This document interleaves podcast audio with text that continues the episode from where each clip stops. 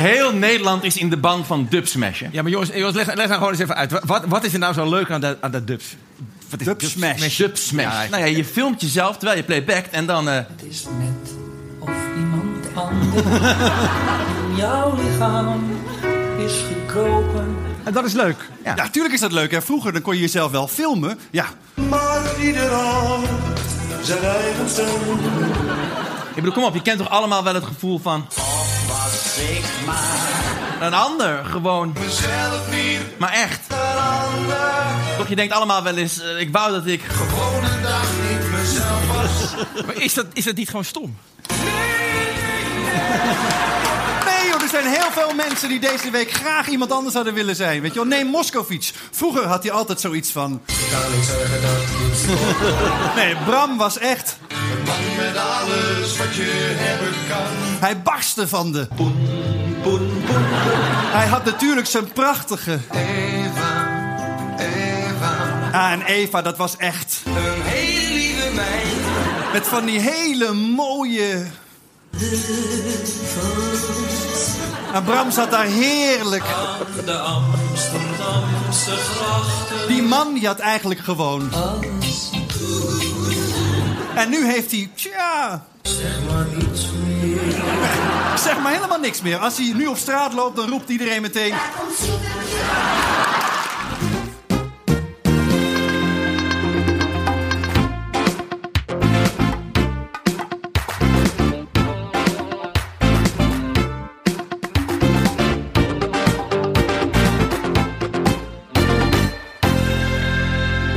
Welkom bij Televisie, de podcast over Nederlandse televisieprogramma's. Mijn naam is Michel Doodman. Tegenover mij zit, als altijd, Alex Maasreel. En ook tegenover mij zit een cabaretier, zanger, acteur en televisiemaker. Samen met Niels van der Laan vormt hij het succesvolle cabaretduo Van der Laan en Woe. In 2013 bracht hij een soloalbum uit, genaamd Als je aanbelt doe ik open. Samen met Niels, Rob Urgert en Joep van Deudekom maakte hij het iconische programma De Quiz... dat genomineerd werd voor de Zilveren Nipkoff-schijf.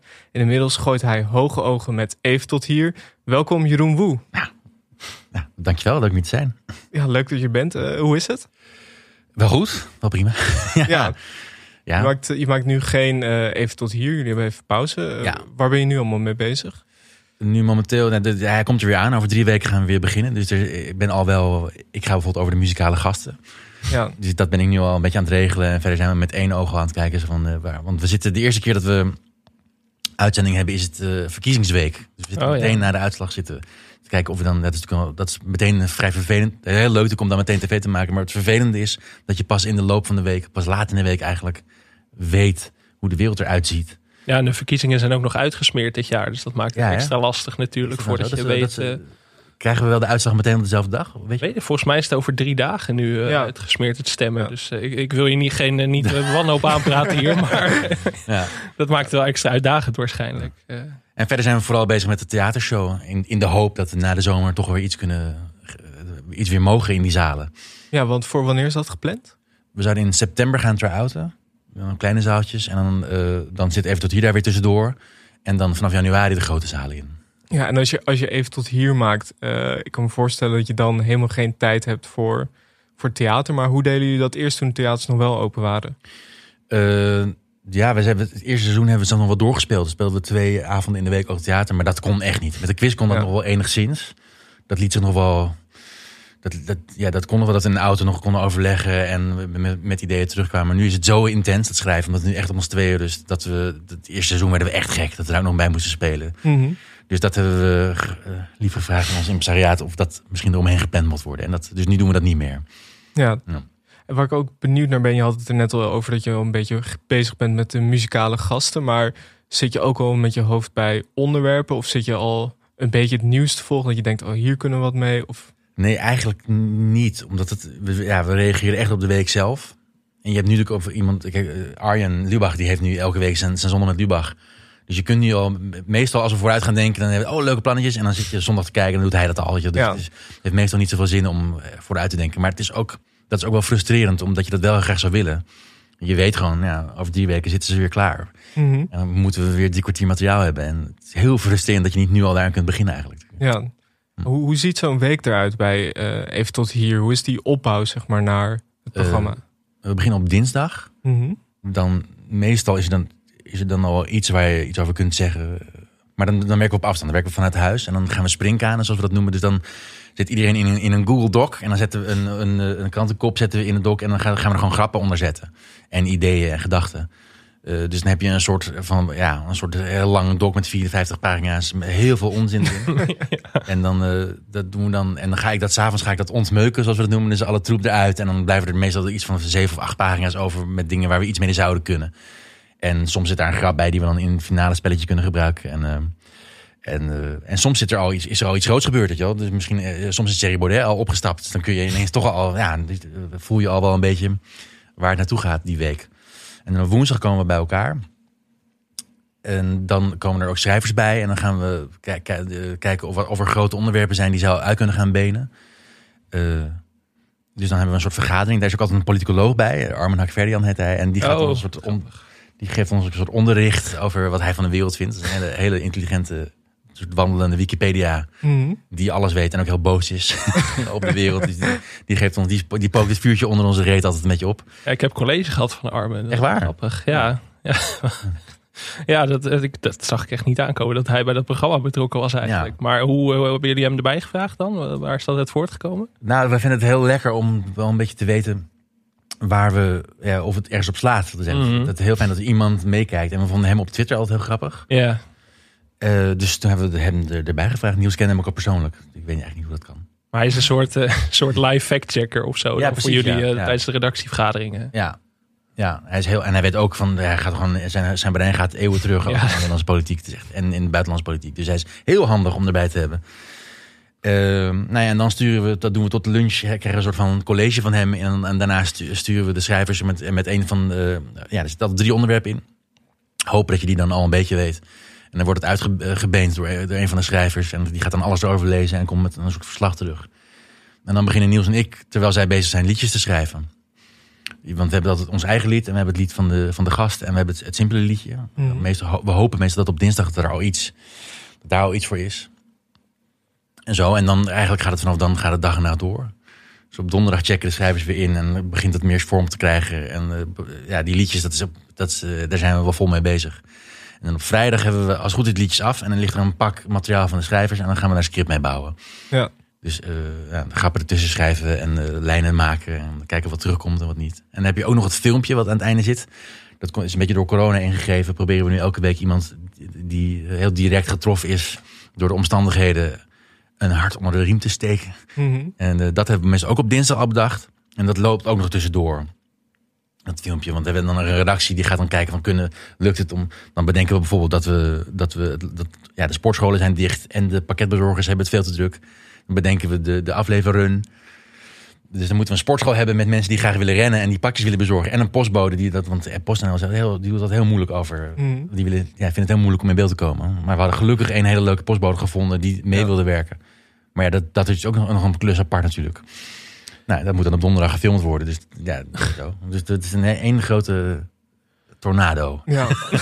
Ja, dat geloof ik, ja. Hm. En dat hart onder de riem steken, dat item bijvoorbeeld, is dat, is dat vanuit jullie heel erg voortgekomen? Of is dat echt... eh, Ja, ja, ook een beetje uit nood geboren natuurlijk. Want het, het, het programma is ook heel erg veranderd eigenlijk door corona. Ja, mhm. En het publiek er niet was. En we zo min mogelijk mensen in de studio konden hebben. Dachten we dit. We bedachten het, eh, het eerste seizoen zeg maar, in coronatijd was... Toen waren er zoveel dingen niet door, die niet doorgingen. Zoals het Songfestival en Koningsdag. Dat we dachten, met de agenda erbij dachten we kunnen eigenlijk elke week wel proberen om iets toch door te laten gaan. Dat, dat, daar kwamen we wel uit. ja. En eh, zodoende hebben we dus voor, voor de grootste festival, eh, songfestival fan die we konden vinden, hebben we in zijn, eh, in zijn trappenhuis dan zijn één persoon songfestival gedaan. Ja. En dat beviel eigenlijk wel.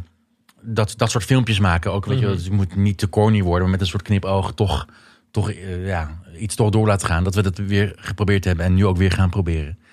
Er werd wel steeds minder specifiek een, een, een, eh, eh, een evenement dat niet doorging. Maar ja, toch is er altijd wel iets waar je hopen we althans. Mhm. Waar je iets mee kunt. Ja. Precies, en ik kan me ook voorstellen dat je, dat je op een gegeven moment, als je alleen maar de, het coronanieuws van de week aan het herhalen bent, dat dat ook gaat vervelen natuurlijk al. Ja. niet voor jullie als dan is het al voor de kijker natuurlijk. Eh, Ja, maar het gekke is dat we hebben het best wel heel veel over corona. En Mhm. toch krijgen we, krijgen we heel veel complimenten van mensen die zeggen... wat heerlijk dat het even niet over corona gaat. Het zal best wel de hele tijd wel over corona gaan. Maar het, zo voelt het dan niet. Zo. Ja. in ieder geval niet de corona-malaise. Ik denk dat ze dat dan bedoelen. Het is niet Mhm. het hele, het hele zware opeenige gezeur. Maar gewoon ook een beetje erom lachen. Ja. Hoe weten jullie eigenlijk... ehm, in het theater heb je natuurlijk, je hebt try-outs, je gaat een beetje testen, je gaat uitproberen. Maar in zo'n tv-programma gaat het heel snel. Je hebt maar een paar dagen of eigenlijk een week de tijd om, eh, om dat te maken. Hoe testen jullie of de grappen werken? Ja, dat is heel spannend. Ja, Eh, maar wat we, we, hebben dus, we schrijven dus vrijdag het script. En dat gaat meestal tot diep in de nacht door. En dan op zaterdagochtend komt voor het eerst de regisseur erbij en de technische ploeg. En die zijn er dan al heel vroeg 's ochtends. En dan lezen we het eigenlijk 's ochtends vroeg voor gewoon aan ze. En eigenlijk is dat het enige testmoment. ja. Dus dan, eh, dan, maar meestal zelf heb je bijna geen publiek nodig. Maar voel je al als je het voorleest van, oh fuck, dit is, dit is, dit is niet goed. ja. Of wel. En dan hebben we eh, anderhalf uur om het te herschrijven. En dat, dan worden we, te- dat is een heel heftig moment. En dan wordt tegelijkertijd, eh, dat is ook één moment dat we kunnen eten. En het enige moment dat we kunnen worden gesminkt. Dus terwijl we het herschrijven en in paniek zijn, worden we ge- gedaan. En dan eh, komen we terug de studio in. En dan zijn de camera's er. En die weten, want ja, de regie moet ook weten wat we gaan doen ook. Dus dan gaan we een camerarepetitie doen. En dan herschrijven we eigenlijk tijdens het, tijdens het repeteren. Roepen we nog naar de autocue van kun je die zin eruit halen en die grap er nog bij doen. Ja, en dan logt iedereen in. Ja. En meestal staat er, hoor je dan eerst geroesmoes uit de foyer komen. En nu is dat ineens een soort digitale wachtkamer waar iedereen... We beginnen ook vaak veel te laat. Daar gaan we al dood voor, want het loopt altijd uit. Dan heb je dus eh, tien Zoom-vergaderingen die al lopen... en die dan maar het quizconcert voorgeschoteld krijgen... tot, tot we eindelijk klaar zijn om te beginnen. Ja, en dan hopen dat het, eh, dat het goed gaat. Maar dat is meestal, ja, daar hebben we toch wel ervaring in gekregen. Ook. Dat meestal Ja. voelen we wel aan. voelt ook een beetje zelf, denk ik, wat aanslaat. Waar je Ja, zelf precies, ja. creatief van wordt of wat je zelf grappig vindt. Ja. ja, als we die repetitie doen, dan hebben we al een soort optreedenergie waarin je ineens wel, ja, terwijl je het gisteravond nog heel leuk vond, nu voelt, oh nee, dit is toch niet leuk of dit moet anders geschreven worden. Mhm. Ja, zo. Die hele Zoom-wand, hoe is dat tot stand gekomen? Hebben jullie ook wel eens overwogen om, dat, om het gewoon zonder publiek te doen? Nee, nee, we wilden persen met publiek. Ze hebben zelfs wel overwogen om het helemaal niet te doen. Eh, maar die Zoomwand, ja, die, eh, ja, een publiek in quarantaine, dat was eigenlijk dat, eh, het, het idee van Niels. Van die van het thuis. Ja, Ja. wat nu best wel, wat nu, wat nu best wel veel mensen doen. Dat, voor mijn gevoel waren wij daar vrij vroeg mee. Ja. Mhm. Eh, en hebben we, ja, dus zo. En het werkt ook wel. Ja, er zit een gek soort vertraging in. En je moet heel veel geluid eruit filteren. Dat gebeurt na- achteraf ook. Dus gaan we, die wordt die hele uitzending nog een- op een helemaal audio nabewerkt. Omdat er gewoon heel veel ambulances langs rijden. en Ja, blaffen precies. en Ja, dat of vliegtuigen overvliegen, dat Ja. soort dingen. En mensen hebben ook eh, thuis hebben gewoon een soort tv-kijk-energie. Dus die gaan, die gaan toch koffie zetten en met elkaar praten. En dat ja. moet je allemaal weer weg. Nootjes pakken, ja. Maar toch zie je veel eh, andere satirische programma's of comedyprogramma's zoals Zondag met Lubach en Dit Was Nieuws. Die kiezen er toch niet voor. Maar dat was voor jullie dus echt geen optie. Nee. Nee, wij vinden het ook heel leuk om. Wij, wij zijn ook wel me, ja, wij vinden het ook heel leuk om melige grappen te maken, bijvoorbeeld. Waar, ja, als, je dat, als daar geen lach achter zit, ja, dan ja, dat is een beetje ongemakkelijk gewoon. We willen ook gewoon kunnen keten. Ja, En eh, Ja, Ja. dat geeft jullie waarschijnlijk ook energie, toch? Om een reactie echt te Ja. horen. De, de- want bij dit was het nieuws zitten dan wel volgens mij de schrijvers en de regisseur in de zaal. Maar dat is dan zo miniem dat je daar waarschijnlijk geen energie uit kunt halen als maker. nee, het lijkt me niet.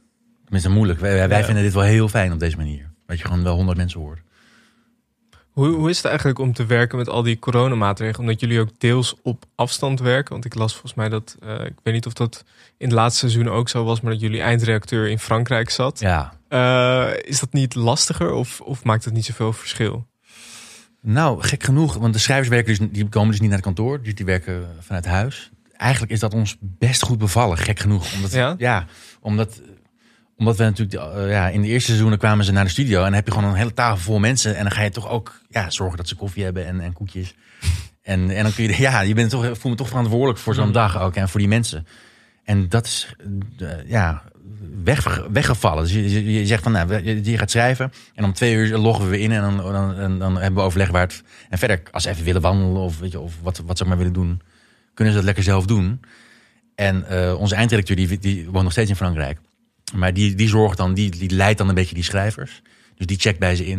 En dat hoeven wij allemaal niet te doen. Dus we worden helemaal niet meer gestoord. Eigenlijk.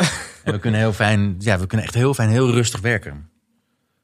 Dus ik denk zelfs dat als straks, die, als alles weer is zoals het, eh, eh, zoals gewoon, dat we dit dan wel gaan handhaven. Ja, Ja, dit bevalt echt wel. gewoon omdat het minder, misschien ook minder stressvol voelt. Ja, eigenlijk wel. En overzichtelijker. Je hebt gewoon, je hebt gewoon de vergaderingen ingepland waar, waarin die verhalen worden besproken. En als dat, als, dat, als dat niet zo is, dan is het niet zo. En vroeger was het zo dat ze de hele tijd binnen konden lopen.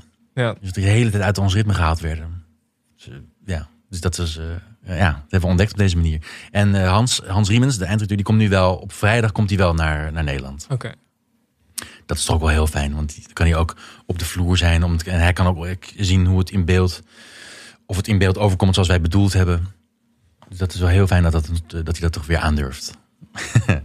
Twee grenzen over elke keer. Het is wel een eh, heel ander programma ge- geworden. Want ik, ik keek de allereerste aflevering van Even tot hier en de Ja. allerlaatste.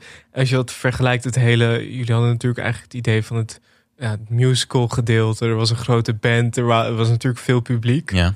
Maar het is eigenlijk, het voelt als een heel ander programma. Maar is het, vind je het beter geworden ook? Ja, ja. Eigenlijk wel, ja. Als ik eerlijk ben. Dus ja, we hebben, ja, die, die musical, daar was ik heel, die musical was, eh wij wilden gewoon heel graag een musical over de week maken. En dat leek ons heel tof. En als ik het nu terugzie, dan voelt het wel heel vol, het programma. En het, het voelt nu veel, eh, nu zonder de musical voelt het wel wat, orga, ja, wat, alsof het wat organischer gaat. En wat minder volgepropt zit. Mhm. En alsof we wat beter lijnen kunnen maken. En ook alsof je ons beter ziet. Wij dachten ook, niemand heeft zin om drie kwartier lang de hele tijd naar onze koppen te kijken.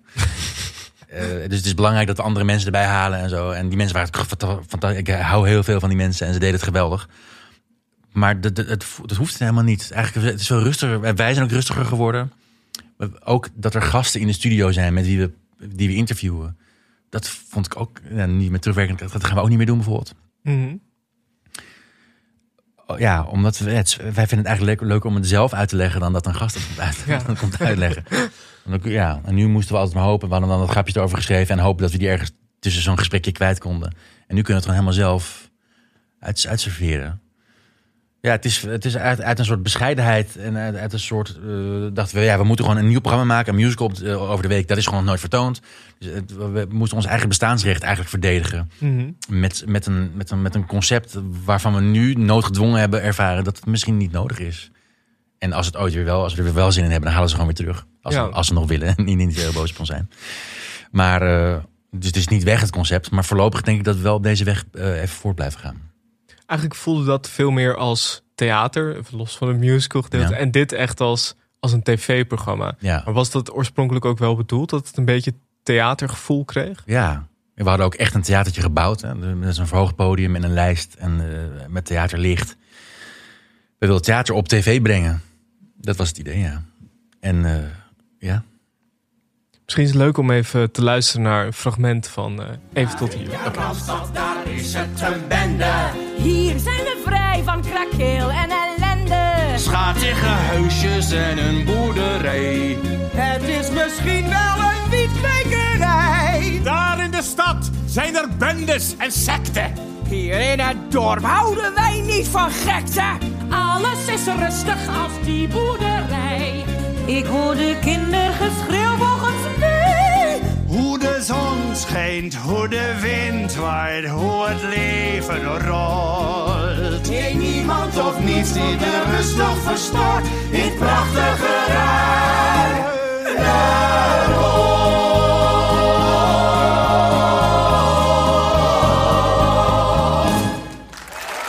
Nog over dat, eh, over dat verschil tussen tv en theater. Was dat in het begin toen, eh, toen jullie begonnen bijvoorbeeld met de quiz? Ja. Was dat een lastige overgang? Omdat het lijkt me een heel andere vorm van humor of comedy maken eigenlijk. Eh, ja. nou ja, theater, daar, voor zo'n voorstelling die spelen we twee jaar. Dus je kunt gewoon helemaal niet heel, heel dicht op het nieuws zitten. Want dan is je voorstelling over- volgende week al niet meer Mhm. actueel. Dus dat was, ja, dat, maar dat was ook heel bevrijdend eigenlijk. Dat is heel, ik vond de combinatie ook heel leuk. Dat je in het theater, in het theater kun je wel een langere bogen maken. Weet je? Die mensen die kunnen, ze kunnen wel weg, maar ze, in principe gaan ze niet weg. ze, ze kunnen niet wegzeppen ook. Weet je? Want je hebt ook tv, krijg je ook van die grafieken. Kijk, en hier zeggen jullie dan dit en dan zet je Ja. en weg. Dat soort gekke wetten, waar, waar we ons overigens nooit aan houden. Ik, ik, ik kijk nou naar die grafieken. Je had toch altijd zo'n man die bij de wereld het door kwam uitleggen van als je hier muziek gaat afspelen, Ja. dan zeppen de mensen massaal weg en Ja. dat soort dingen. Maar daar hebben jullie gewoon echt scheid aan dat je Nou ja. echt daar eh, rekening mee houdt. We worden, ja, nee, een beetje wel, ja. Ik, vind dat ik, eh, ja, ik geloof daar niet zo in. Gaat ook ten koste van je creativiteit. Dat je alleen maar denkt van oh, we moeten precies alles naar de wens van de kijker gaan aanpassen dan Ja. of zo. Dat, Mhm. eh, Maar er zit wel degelijk dus in tv wel, een, er gelden wel andere wetten, omdat mensen het gewoon kunnen weg wanneer ze willen. mhm. Eh, en dat kan het ja, inderdaad er niet. Dus kun je daar wat, wat meer geduld hebben en wat meer wat rustige dingen uitserveren. En, en eh, dat, dat, dat is er leuk aan. En het is heel fijn om een soort bekend terrein te hebben. Want tv, dat is, ja, dat, is- dat is ook met live publiek erbij. Je hebt één kans om een grap te maken of om een liedje te doen. Als je het verprutst, dan vinden zij het ook niet leuk meer. Want want dat kennen ze Ja. al.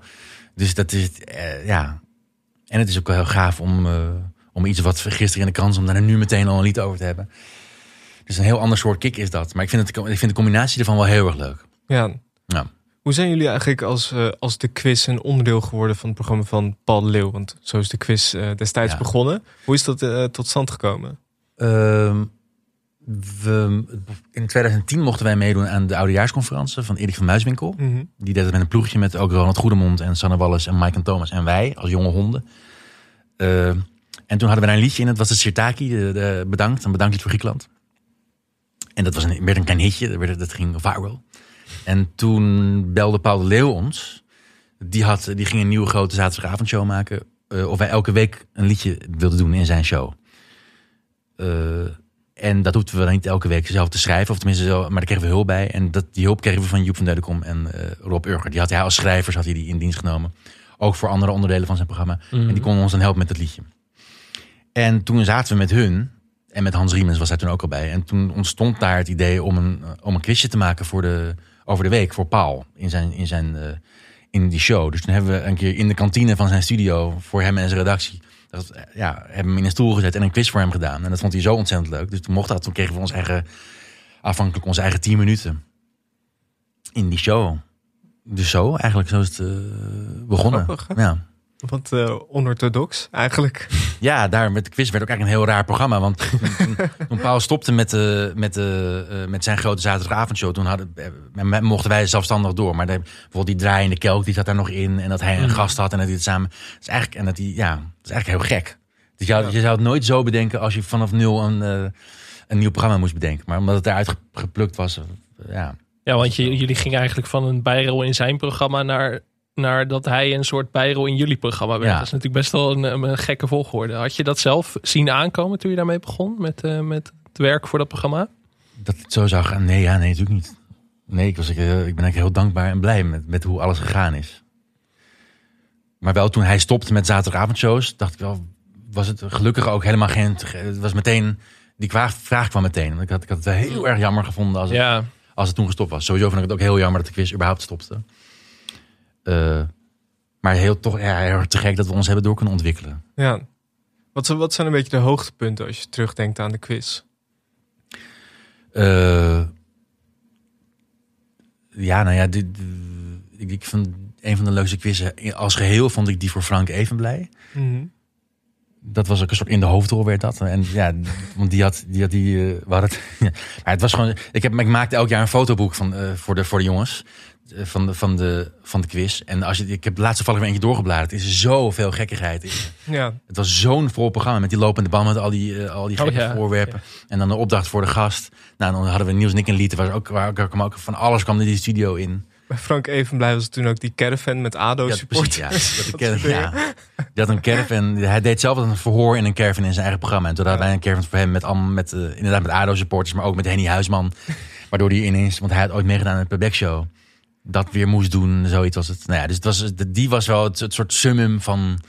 En alles lukte ook, want Frank was, is, is, is en was toen ook heel erg leuk. Dus dat was een hoogtepunt. En ja, die liedjes die hebben voor ons wel heel veel betekend. Die, die, eh, ik ben er heel trots op eigenlijk dat liedjes. Ik denk dat wij wel een beetje daaraan hebben bijgedragen dat liedjes in cabaret dat het, en op tv dat het weer kon of zo. Want de wereld daardoor had ik bijvoorbeeld dat is één minuutje. Het mocht echt niet langer zijn dan een minuut, want dan zept iedereen weg. En bij ons was het liedje juist een, een reden om te kijken. Ja. Ja, en het ging ook vaak viral natuurlijk. Ja, precies, Heel veel van jullie liedjes. Ja. Dus dat, het daardoor een soort van mainstream eigenlijk weer werd op tv om dat te gaan doen. Ja, ja. Dus dat en daarvan vind ik, ja, ik vind, ja, daar zijn een paar, paar eh, hoogte. Maar eigenlijk voor mij persoonlijk het, aller, eh, het hoogtepunt was het quizconcert eigenlijk. Ja. Dus het was dan niet de quiz. Maar omdat de quiz stopte en wij er allemaal een beetje een, een, een, een gallig gevoel over hadden. Was het wel heel erg te gek om een keer. Want die liedjes zijn ook steeds in, heel, in, heel, in een heel korte tijd gemaakt. En met heel veel stress erop. En daarna gingen ze dan af en toe naar de wel viral. Maar had je, hadden wij er verder niet echt plezier meer van dat we een liedje gemaakt hadden. Dus om die met een band in een theater te spelen en allemaal achter elkaar. Nou, ja, Ja. echt, De popster te mogen uithangen. Wat sowieso mijn, mijn jonge droom ook. dat was voor mij, ja, toen was ik wel echt zielsgelukkig. Ja. Dat, was, dat voelde echt als, even, als oogsten ook. Ja, dat was ook eh, een fantastische avond. Ik zat in het publiek. Echt dus, waar? eh, ja. Wat Nee, dat was echt. Maar dat was echt. eh, het was ook grappig omdat je daar echt het nieuws van de afgelopen jaren, omdat je daar. Het waren natuurlijk sowieso goede liedjes, maar ook dat je even weer terugging naar vier jaar geleden. Je- Ja. oh, dat, dat hebben ze ook nog gedaan. Oh ja. Dus dat zat er ook heel erg in. Hoe, hoe maakten jullie die liedjes eigenlijk? Hoe ging dat in zijn werk? Nee, die maken we natuurlijk nog steeds. Ja, Ja, hoe maakten we die? Eh, tenminste, hoe. Want dat moet natuurlijk in een hele korte tijd ook Ja. weer gebeuren. Hoe, eh, hoe, hoe deden jullie dat praktisch? Ja, Het, het moeilijkste aan het lied bedenken is het idee ervoor. Want Wij, wij zijn heel makkelijk en handig in eh, met muziek klooien en teksten maken. Alleen wat we gaan doen, dat is altijd, dat is daar, ja, dat is echt, dat moet altijd van heel ver komen. Ja, en hoe we dat doen. Ja, onze rolverdeling is een beetje dat ik heel veel slechte ideeën roep. en Niels is heel stil. En, en ineens, of hij heeft, hij, hij, is, hij is een genie, vind ik. Ik ben echt heel erg dol op hem. Af en toe roept hij ineens van, ja, godverdikke, dat gaan we doen. En hopelijk, eh, en, eh, ik geef heel veel voorzetjes en af en toe denkt, pakt hij er een uit. Ik, ja, dat is hem, weet je wel. Dus zo. Maar ja, maar dat kan, ja, dat kan heel lang duren en ook heel vervelend en stressvol zijn. En soms is het ook niet gelukt. Er zit ook liedjes tussen van, ja, dat was echt, van, echt zo'n plan B lied. Van, ja, dan dat maar. En dan probeer dat zo leuk mogelijk uit te werken. En dat, ja. Maar goed, volgens mij voelt de kijker ook wel dat het heftig is. Dat we, Ja. dat we gewoon zoveel materiaal genereren uit één week nieuws.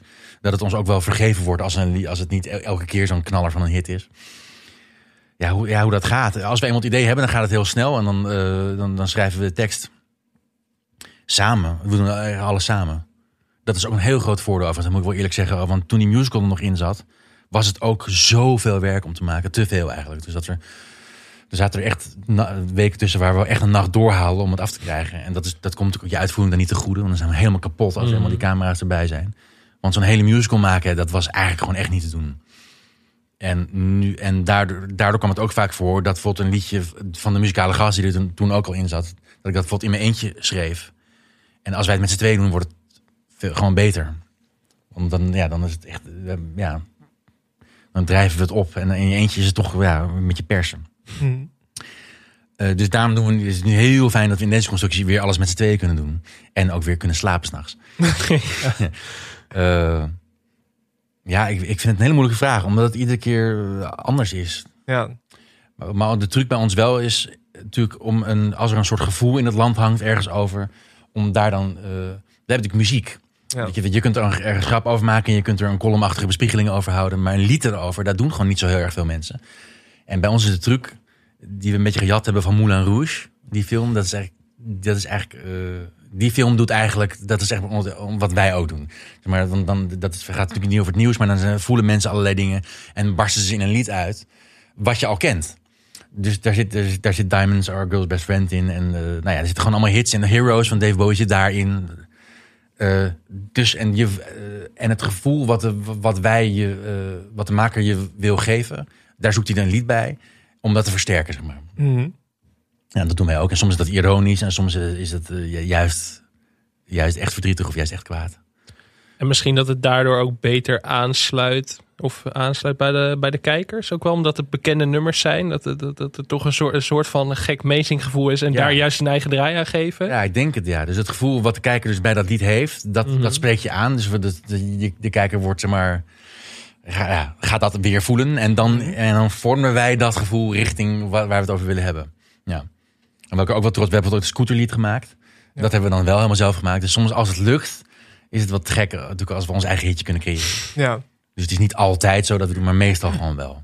Ik denk dat het ook, eh, wat ook wel bijdroeg aan het succes is, dat het een beetje de, dat, dat je niet alleen zeg maar nummers had over serieuze onderwerpen. Soms komt het ook over eh, bijvoorbeeld over Thierry Baudet met die Mhm. microfoon gaan. Maar Ja. soms ook over iets serieus. is dat je ook nooit helemaal weet wat je kon verwachten. Het Nee, was ook nooit helemaal het nieuws. Het kon soms ook iets kleins zijn dat dan uitgroeit tot een groot lied. Ja. Ik denk dat dat er ook eh, aan, aan bijdraagt of zo. Aan dat, dat het zo werkte. Ja, dat zou kunnen, ja zeker. Ja. Ja de bar, Zo'n Barbie, die, dat iedereen bij Barbie eh, in het medisch dossier had gekeken. Dat was een klein nieuwtje. Dat had denk ik niet eens in de krant gestaan. Ja. Maar dat vonden wij zo grappig. ja. We beginnen wel altijd bij het grootste nieuws hoor. En dan gaan we steeds kleiner tot we een idee hebben voor een lied.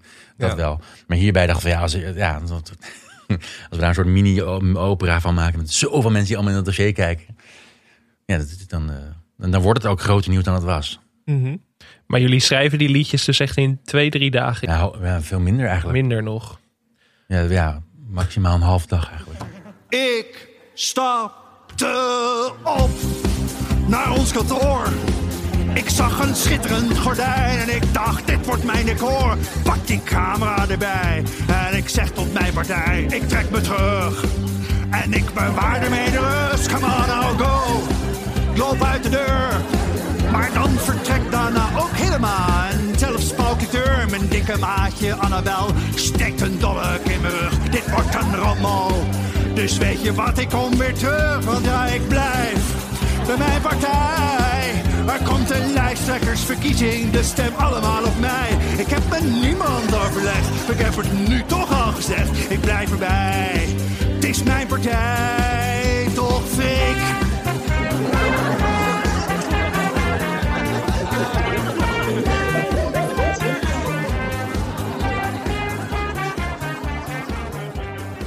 Want ik zat te denken, je, je had bijvoorbeeld het liedje ook van Thierry Baudet. Dat, eh, het recente nummer over Thierry Baudet Ja. natuurlijk. Toen bij de chaos bij Forum voor Democratie. Ja. Dat nieuws volgde elkaar zo snel op natuurlijk in die dagen.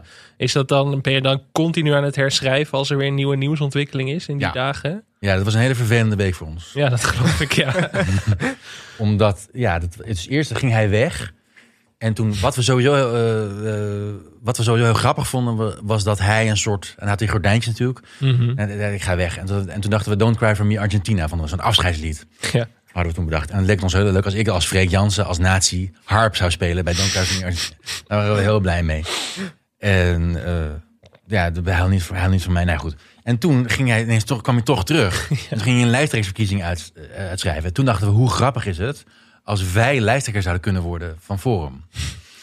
Dus dan hebben we dat uit laten zoeken. Want toen hadden we het lied hadden we weggegooid. Van ja, dat afscheidlied, dat, dat, dat was er niet meer. En toen dachten we, nee, wij zijn straks verkiesbaar volgende week. We gaan in die uitzending gaan we een, een campagne voeren voor onszelf. En dat wij dan het forum gaan leiden. Of dat Miguel, dat nog grappiger. dan een pianist. Dat die het leider van forum werd. ja, daar hebben we heel veel plezier om gehad. En toen verviel dat ook.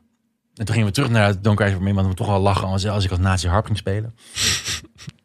En toen kwam Niels met I Will Survive. Maar het- toen werd ik 's ochtends wakker. En toen, had hij, maar toen liepen we echt wel wel achter. Want het is wel frustrerend dat je steeds Ja. dingen bedenkt en er blij mee bent. En dan kan het niet meer.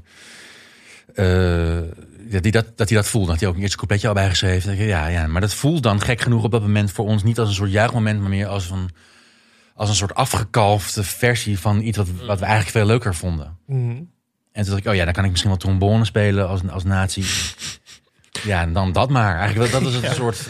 Ja. Als die nazi er maar in bleef, dat Die was eigenlijk het belangrijkste. Dat vonden we heel grappig. Maar we vonden het heel grappig omdat zij een soort, een soort pretentie hebben, weet je, met al die Latijnse dingen ook, zo, dat het harp en dat klassiekere. En dan in een nazi-pak heel interessant over jezelf. En dat vonden we heel grappig.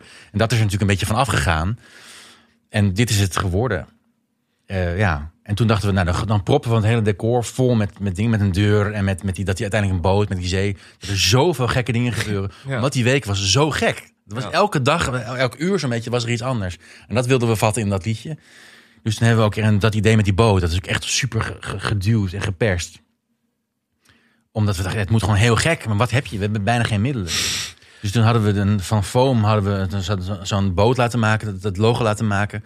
En nou, dat werkte niet. En toen dacht onze animator, maar ik kan het, voor, het logo achter jullie projecteren. En dan, en dan doen jullie alsof, weet je zo. Dus het was een soort team effort werd het uiteindelijk. Van iedereen van, hoe kunnen we dit zo gek mogelijk krijgen? Ja. En het gevoel van die week pakken.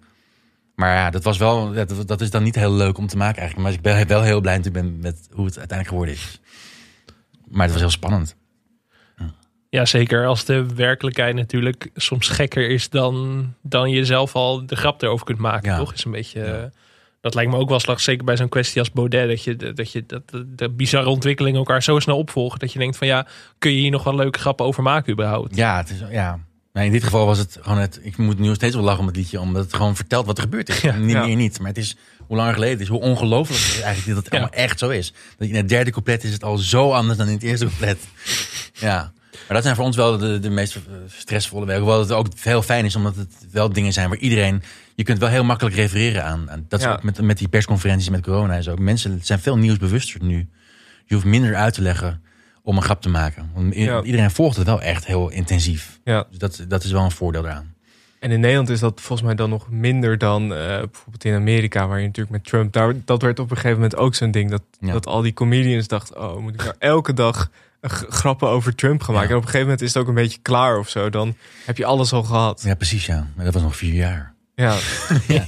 Maar daar, daar hebben jullie, dat hebben jullie nooit gehad, dat je nu ook bijvoorbeeld met corona dacht van, pff, moeten we, hoe moeten we hier nou weer iets van maken? Ja, een beetje, ja, natuurlijk wel. Ja. Als er weer zo'n persconferentie geweest is, ik, ja, weer. Ja, het is toch wel waar iedereen het over heeft en wel weer iedereen boos. Maar het- meestal komt er in de loop van de week, zijn, blijken dan toch mensen boos te zijn, weet je. Of heeft, heeft, eh, blijken er stomme uitspraken in te zitten. En dan kun je daar wel weer op- aanhaken. Want er er is toch ook behoefte aan, volgens mij, aan, in het land. Ja. aan- Dat je die persconferentie toch gewoon nog een keer met een, met een, met een kammetje doorgaat. Mhm. Maar waar ik bijvoorbeeld ook heel moe van word nog steeds eigenlijk is om bijvoorbeeld Hugo de Jonge eh, op zijn fouten te wijzen. dat weten we nu wel, weet je wel. Dat hij, Ja. dat hij denk- dingen belooft en die dan niet waarmaakt. Ja, dat, is, dat hebben we nu wel gehad. Mhm. En we zitten er, en het is ook heel lekker om in deze kuttijd, eh, weet je wel, om ergens op af te geven, weet je wel, om, om lekker boos op hun te worden. En, eh, maar ja, we zitten gewoon met z'n allen in deze shit. Ja, En eh, ja, en hij kan er uiteindelijk toch ook niet zo heel van doen. ik kan me voorstellen, juist dat als je ook denkt dat als iedereen de hele week soort van een hoopje op Hugo de Jonge maakt, dat je dan denkt van, oh, we gaan juist kijken naar Wopke Hoekstra of naar Jesse Klaver Ja. om te kijken wat daar te halen valt. Precies, ja. ja. Heb je het idee dat satire moeilijker is geworden in tijden van corona of valt het wel mee? Nou, eh, nee, ja, ja, het is, nee, wat wat ik zeg, mensen zijn nieuwsbewuster. En, en dat we- dingen als dat Wopke Hoekstra nu gaat schaatsen, Ja. Is natuurlijk, had anders nooit zo'n groot iets geweest. Joh. Ja. Is- dus, en met Grapperhaus, met zijn huwelijk en zo, dat zijn wel hele dankbare dingen. Dus het is, in die zin is het, ja, is het ook weer niet moeilijker. Maar omdat, omdat er zo'n groot gemeenschappelijk gevoel is, dat je veel makkelijker erop in kunt tappen. Ja, zo, want als dat met Hoekstra bijvoorbeeld, had je dan, eh, zit je dan al een beetje te denken, oh, ik had hier bijvoorbeeld een liedje bij kunnen maken of Ja, hier een grap over ja. kunnen maken, dat het meteen gaat draaien in je hoofd Ja. als je zoiets voorbij ziet komen. Ja, ik heb dat helemaal niet vaak hoor. Ik heb, vaak, ik heb heel, juist vaak van, oh, ik ben blij dat ik hier niks van hoef te vinden of niks over hoef te doen. Dat ik even rust heb. Maar dit met Wopke vond ik zo stom. ik, vond ik, heel, ik, heb, ik vind ik, vind heel erg leuk. Ja, heel veel zin om hem weer om, Om te kapot te maken. eigenlijk wel, ja. Ja, Wat stom toch? ja, ja. Ja, dat zijn ook van die dingen die eigenlijk de satire al voorbij gaan. Dat je denkt, hoe, hoe kan dat nou? Hoe kan het, hè? Ja, Ja. dat, En Ivonie is ook leuk. Ja, dus ik, heb, ik heb er weer zin in. Ik heb een nieuwe seizoen. Ja. Ja. Nog even over de quiz. Je eh, vertelde eerder in een, eh, in een interview dat je, dat je vroeger veel naar Paul Leeuw keek. Ja. eh, naar zijn programma's. En bij de quiz ging je natuurlijk met hem samenwerken. Hoe, hoe was het om met hem samen te werken? Ja, dat, wat- dat, dat was natuurlijk heel erg gaaf. Ja, En tegelijkertijd is het met, was het niet echt met hem samenwerken, omdat de kracht van de quiz was ook. Dus we maakten een quiz over, over de week, zogenaamd natuurlijk een beetje. Maar dat hij wel echt niet wist. Hij is heel fanatiek van zichzelf en hij wil heel winnen en punten halen. Dat hij dus ook echt niet wist wat er ging gebeuren. Dus in die zin werkten we eigenlijk niet echt met hem samen. Maar kwam hij, we namen middags op. Hij kwam een uurtje van tevoren kwam hij binnen. En nam je een groot glas gin tonic. En dan ging je zitten. En dan liet hij het allemaal over zich heen komen. Eh, en na afloop eh, gingen we bitterballen eten op zijn kantoor. En, eh, dus het was heel gezellig vooral met hem te Ja. werken. En die hele, want hij schijnt heel heftig te kunnen zijn. En, heel, eh, en heel, dat heb ik later ook wel meegemaakt. Want ik ben voor hem gaan schrijven. Op een een van zijn experimenten, bijvoorbeeld Wie stelt mijn show had hij. Dat ging, je- en toen ging je door het land in theaters. Ging hij wensen van mensen uit laten komen. Een soort mooi weer de leeuw, maar dan op locatie. En toen heb ik tekst voor hem geschreven. En dat was wel echt... Dan moest ik mezelf altijd even knijpen. Want wow, hij zet nu dingen aan het zeggen die ik bedacht heb. ja. Dat, ja, dat, zeker als ik mezelf dan weer terugzie eh, als jongetje. de- de- elke avond schreeuw van de leeuw kijken. Elke zaterdag. En, eh, ja, en nog een keer kijken, nog een keer kijken. Dat ik zo ontzettend fan van hem was. ja. En nu, nu ja, eh, eten we gewoon samen en, en maak je dingen voor hem. Ja, dat is wel echt te gek. ja. Wie, waar keek je nog meer graag naar vroeger? Nou ja, dit was misschien weer Friends, moet ik meteen aan denken. Maar ik was heel erg fan van Freek de Jong eigenlijk. Dat heeft me, dat heeft me gigantisch beïnvloed, het meest. Mhm.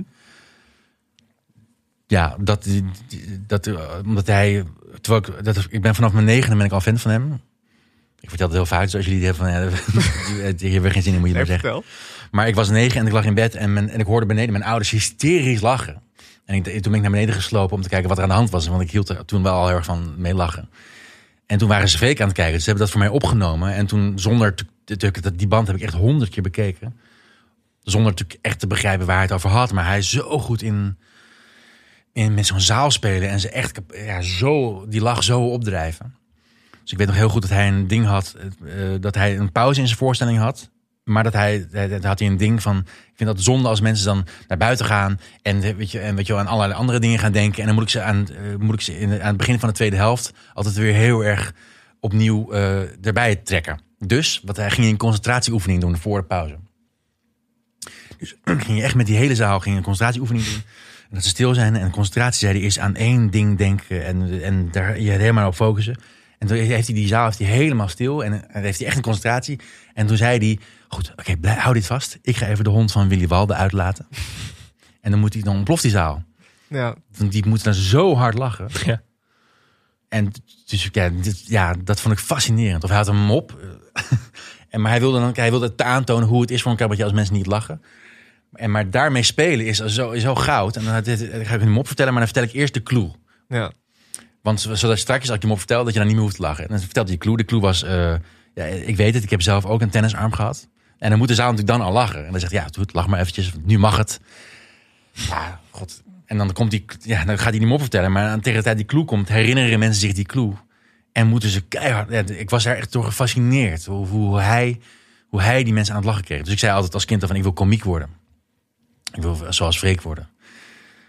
En, eh, en toen ben ik liedjes gaan schrijven. En, en gedichtjes gaan schrijven. En daar trad ik wel een beetje mee op. En toen mocht ik gelukkig naar de Kleinkunstacademie. Maar toen wist ik bijvoorbeeld helemaal niets van politiek en, en van de wereld. En ik, ik kende echt helemaal niks. En, toen, en Niels zat bij mij in de klas. En die ergerde zich daar enorm aan. Want we werden wel snel vrienden. Maar als we een biertje dronken na de les, dan, dan refereerde hij aan dingen. Die, waar, die, die- ik wist niet eens wat de PvdA was, weet je. Dat is echt, echt helemaal uit het ei nog. Dus, eh, en toen van hem, van hem heb ik geleerd, of, of, eh, of overgenomen, dat het ook wel ergens over moet gaan. Ja. Dus zo, dus daar, daar vonden we een klik in. ja. Is Freek de Jonge wel eens te gast geweest in de quiz? Nee, hij vond de quiz ook niet leuk. Nee? Maar hebben jullie hem wel eens gevraagd?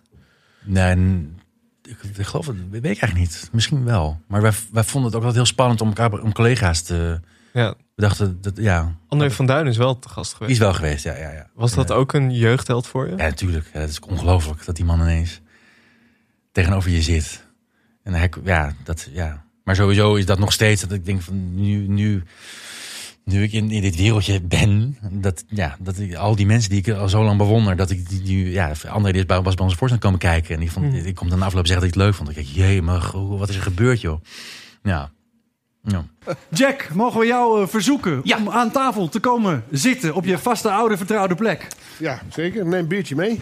Ja, die staat er al. Het dode biertje staat er al. eh. Oh ja, die stond er ook altijd. Die staat er al 15 jaar. Ik heb hier de kaartjes. Dus eh, daar hebben we succes, zou ik Oké. zeggen. Dank je. Ja, dan is het op deze zaterdagavond zo'n 15 jaar na dato tijd voor de tafel van Jack. Het is weer zaterdagavond. Spijker.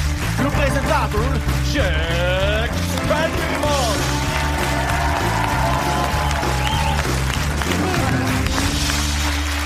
Ja, dankjewel. En zoals iedere week neem ik de week weer door met mensen die 15 jaar geleden om wat voor reden dan ook in het nieuws waren. En dat zijn deze week Dick Advocaat en Prinses Beatrix.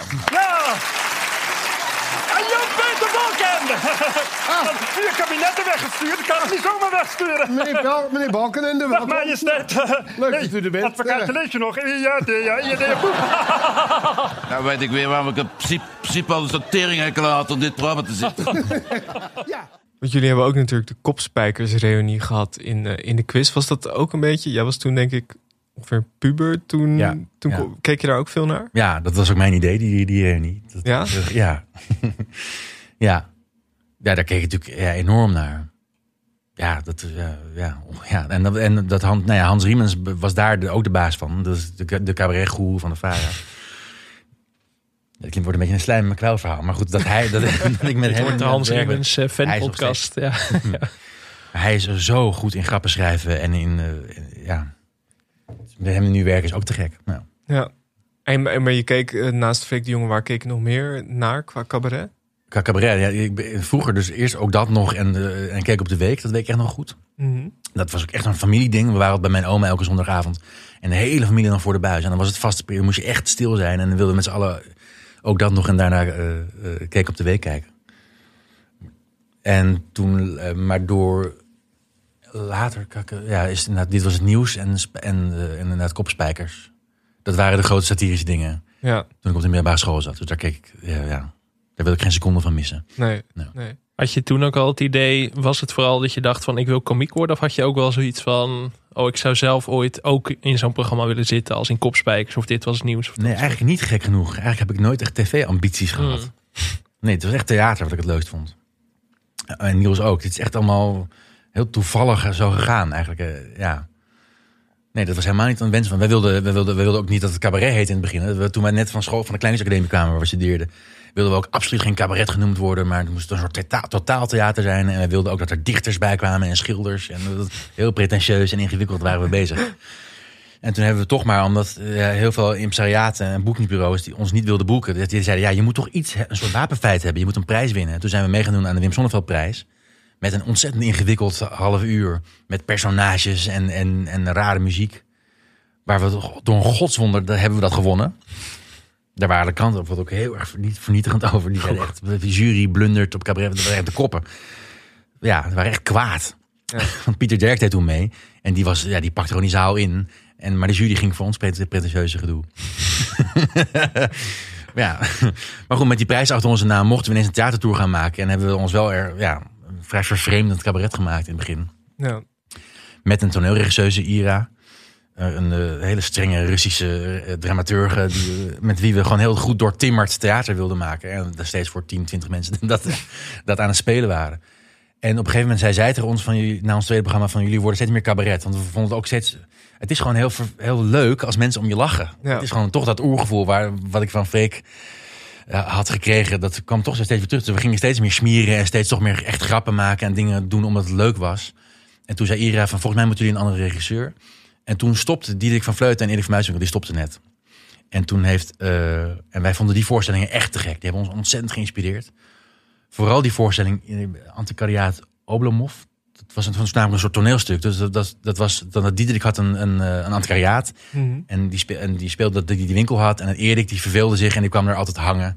En zo vochten ze een soort ding uit tussen elkaar met, eh, met elkaar over hun vriendschap. Die, eh, en, die, en over pretentie en juist lol maken en zo. En zij stopte ermee. En toen Erik had in een interview gezegd dat hij graag jonge mensen wilde helpen. Dus toen hebben we de stoute sch- schoenen aangetrokken en hem een brief geschreven. Van, zou je ons willen helpen? En dat heeft hij gedaan. Eh, en, en toen, eh, hoe wij toen werkten, was dat we altijd eerst een, een hele eh, stapel scènes en liedjes maakten die we gewoon lachen vonden. En dat we later gingen we daar een dramaturgie overheen leggen en een verhaal bedenken. En eh, toen hadden we een avond georganiseerd waarop we even dat uurtje speelden. Gewoon die dingen die we geinig vonden. En toen zei Erik, dit is af. Dit, dit kun je zo doen. Hè, maar zeiden wij, maar we moeten toch nog... Het gaat nog nergens over. En het moet toch juist eh, allerlei bedoelingen en ideeën hebben. Nee, wees rustig. Doet het gewoon nog een half uurtje erbij. En, eh, en dan is het klaar. Dus dat hebben we van hem geleerd eigenlijk. Dat, Ja. dat we hem lol mochten maken. Dat is een, ja... Ik weet niet hoe ik nu opkom eigenlijk. Je hebt later ook nog Erik van Muiswinkel zelf geregisseerd. Ja, toch? ja. Hoe was dat? Dat lijkt me heel gek om opeens, als je Ja. zoveel naar iemand gekeken hebt, Ja. dat je dan hem aanwijzingen gaat geven of gaat Ja. helpen. Ja, dat was heel spannend. En daar, dat is ook niet heel... Ik heb het toen echt wakker... Ik ben vrij zorgeloos van mezelf. Maar toen heb ik echt wakker gelegen. Omdat ik het dat echt heel erg moeilijk vond. Omdat hij natuurlijk zo ontzettend veel meer ervaring heeft dan ik. En zo zijn eigen gang ging. En ik had wel natuurlijk ideeën over hoe ik denk dat een voorstelling in elkaar moet zitten. Maar ja, dat, ik, ja om dat met, met, eh, met hem dat te bespreken en hem daar te krijgen, dat was, dat was wel echt eh, heftig. Mhm. Ja, ook omdat hij ook nog een keer een hele entourage heeft met Koos Terpstra en met Diederik van Vleuten en heel veel Merwerk aan dat soort gasten. Die naar, naar try-outs gaan bekijken en die dan allemaal veel heftigere meningen, hun mening durfden te geven dan ik. Dus ik merk toen, ik ben hier gewoon nog een beetje te jong voor eigenlijk. Het is wel een gezellige tijd en ik denk dat het best een leuke voorstelling geworden is. Maar ik, eh, maar ja, dat, ik was daar nog een beetje te jong voor eigenlijk. Is dat iets wat je wel eh, later, of misschien nu alweer wel weer meer zou willen? Meer regisseren? Ja, zeker. Ik vind regisseren heel erg leuk. En ik had, als corona niet was geweest, had ik ook hele leuke dingen. Ik mocht Jent van de Boer gaan regisseren bijvoorbeeld. Mhm. Daar kan ik het heel goed mee vinden. En dat zijn ook veel meer eh, gener- generatiegenoten. Dus er, Ja. daar voel je echt dat we op één lijn zitten met elkaar. Nou, het lijkt net dat het met Erik niet zo was. Maar Erik is gewoon, ja, die heeft gewoon zo'n zo'n comfortzone al op het podium. Dat, het, ja, dat ik eigenlijk niks te zoeken had Ja. binnen, binnen zijn proces. Voor mijn gevoel, achteraf. Gechargeerd gezegd. Dus als er jonge mensen luisteren. Ja. Ik wil geholpen worden, net zoals jij door Erik van Muiswinck geholpen werd. Dan kan je de lijn doorzetten. Ja. Ehm, waar, waar kijk je nu zelf eigenlijk veel naar op tv? Waar, waar haal je inspiratie vandaan?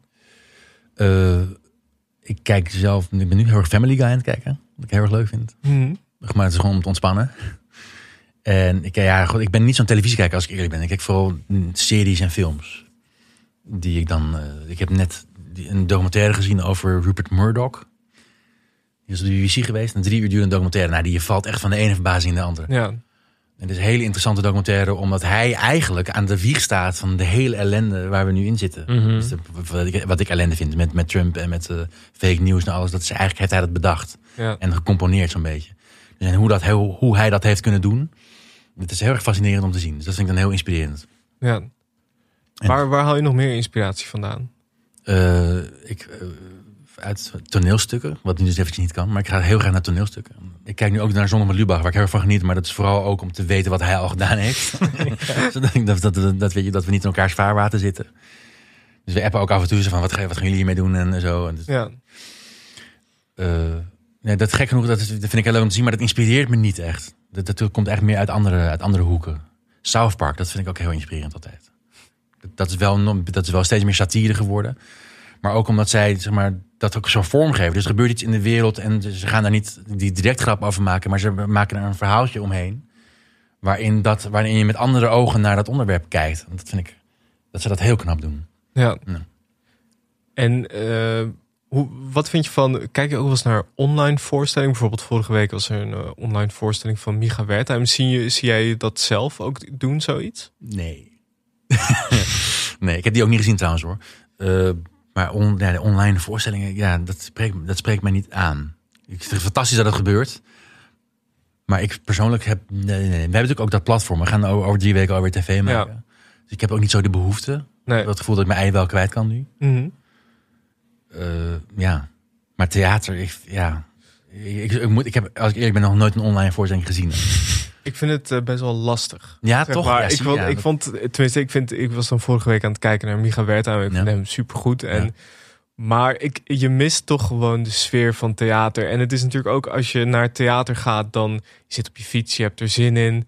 Je gaat zitten van tevoren, weet je wel. Dat, dan zit daar al een soort van spanning of een soort van opwinding in. En eh, als je zo'n online voorstelling hebt, dan ja, je zit, op je, je zit achter je laptop. Je denkt, oh ja, het gaat zo beginnen. Gaat zitten en je zit er toch, ja, of in je eentje of met een paar mensen. Maar het is toch, ik, ik vind het heel moeilijk om je ook te concentreren dan. Ja, dat kan me voorstellen, ja. Je kunt ook gewoon weglopen als je wil. Ja, Ja. ja. Kun je het ook op pauze zetten? Nee, dat Nee. niet.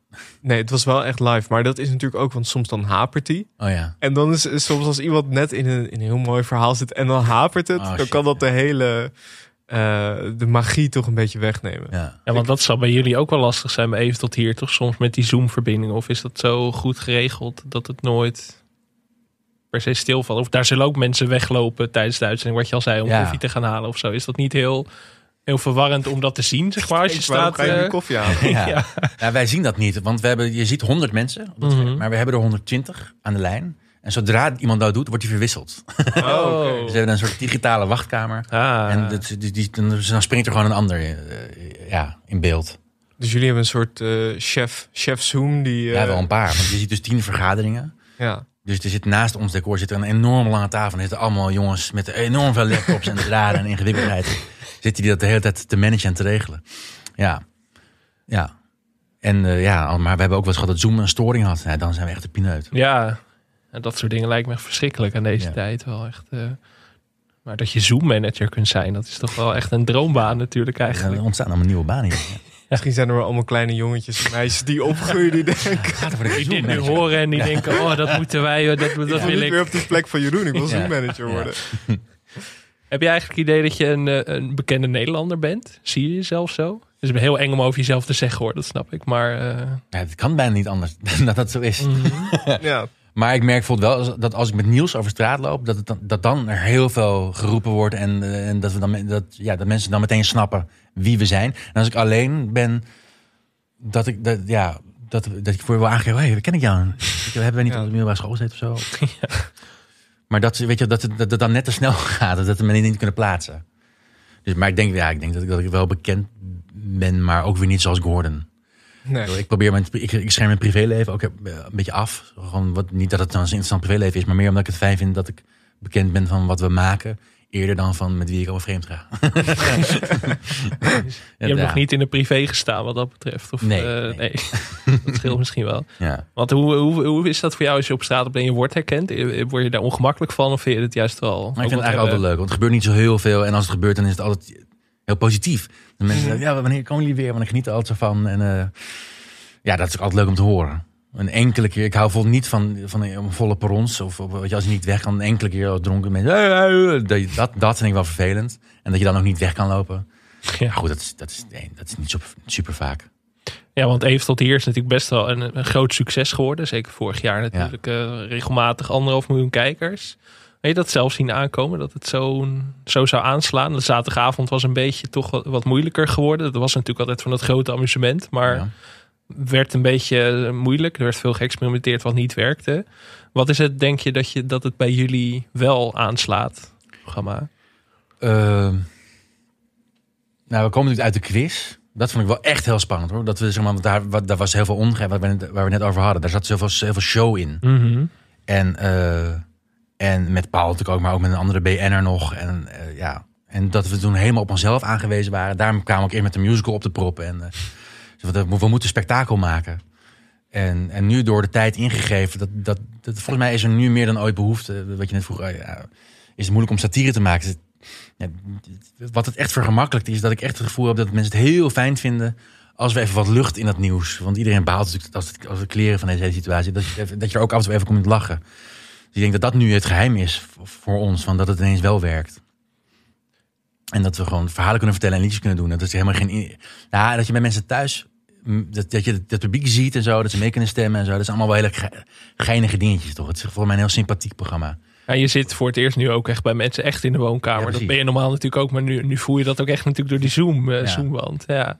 En, en het is ook waarschijnlijk dat je, wat je net zei, jullie hebben ook waarschijnlijk ook meer zelfvertrouwen gekregen in de loop van de jaren. In het begin heel veel tierlantijntjes toevoegen om het vooral niet te veel om jullie zelf misschien te laten draaien. Ja. Is dat ook iets wat je, dat je nu echt zegt van oké, wij kunnen dit met z'n tweeën wel dragen, zeg maar. We hebben het niet allemaal extraatjes nodig eigenlijk. Ja, dat, dat, ja, ja, ik- ja, je hoopt niet dat je arrogant, niet arrogant maar dat is wel, ja, dat, en ook, mensen hebben er ook niks aan als ik niet zelfverzekerd ben. Dat ik zo dubbel hier altijd aan. Hoe nerveuzer ik ben, hoe minder goed ik ben. Dus, maar ja, het, het, het heeft zich bewezen en, eh, ja, en dat als wij eh, zo- zo'n liedje doen, zo'n verhaal vertellen, dat, dat, dat vind, ja, daar, daar kijken mensen graag naar. Dus daar ben ik heel dankbaar voor. En in samenwerking met Niels is daar natuurlijk ook heel belangrijk. Want Ja, jullie dat- werken al zo lang samen. Het, Ja. eh, Dat is ook een cadeau, dat je dat met je beste vriend kan doen. En dat het zo gezellig is ook om te, om te maken met hem. Ik heb altijd zoveel pret. En nooit ruzie. Dus het is, ja... Dat, zonder zou ik dat sowieso, zonder nieuws zou ik sowieso allemaal niet willen. Ja. Nee, want je hebt al eens gezegd dat je nooit alleen op een podium bijvoorbeeld zou willen staan per se. Nee. Of nooit alleen iets zou willen maken. Dat je altijd of met Niels of in een groepje zou willen Ja, zitten eigenlijk. Ja, want ik vind ook dat...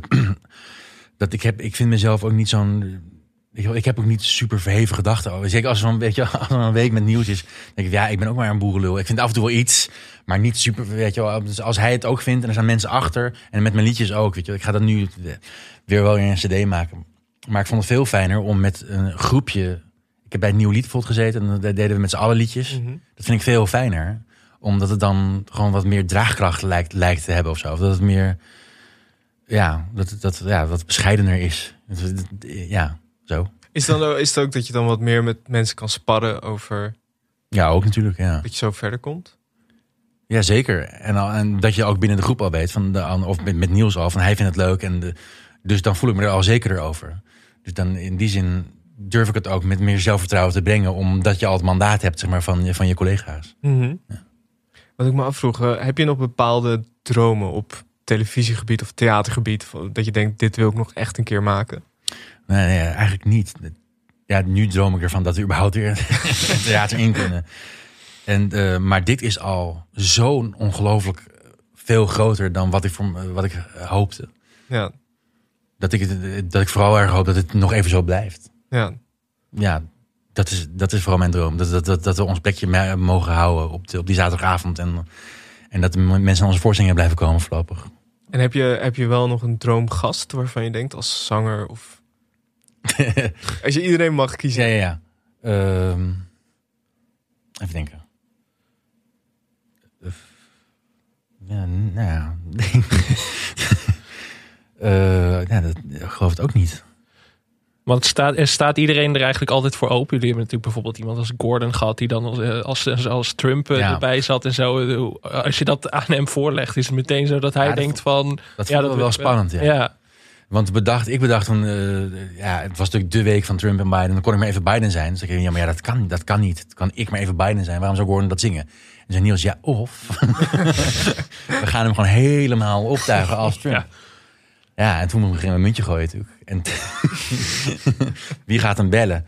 En, Gor- en Gordon, vond, Gordon maakt altijd... Hij was een keer eerder bij ons geweest natuurlijk. Mhm. In de quiz. En toen maakte Gordon altijd vrij flirterige opmerkingen naar Niels. Zo, want Niels is twee meter. En Gordon kwam binnen en het eerste wat hij zei was... Zo, is alles zo lang? dus toen dachten we, nou, ik denk als jij, Niels, als jij hem belt... dat we dan de meeste kans hebben dat hij het wil doen. dus, dus toen heeft Niels hem gebeld en het uitgelegd. En hij vond het een heel grappig idee. En hij heeft, ja, ja, hij heeft ook zijn hele, zijn hele Insta stond ineens vol met, met filmpjes dat hij als Trump...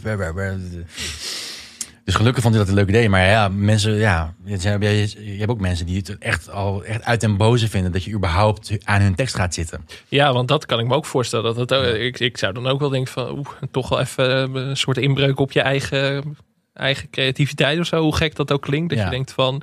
Zeker als je één hitje hebt of zo... dan eh, is het misschien... eh, Ja. van, blijf eraf. Maar dat heb je niet per se meegemaakt tot nu toe. Nou ja, bijvoorbeeld Stef Bos, die, hadden, die is te gast geweest. En dat wilden we heel graag. natuurlijk, Want een fantastische man. En die heeft dat liedje Papa. Maar Papa is voor heel veel mensen een heel emotioneel lied. Mhm.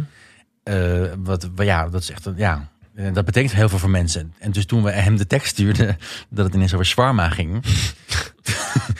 toen, zijn eerste reactie was van, ik ga dit niet zingen. Dit moeten jullie zomaar zingen, want dit is...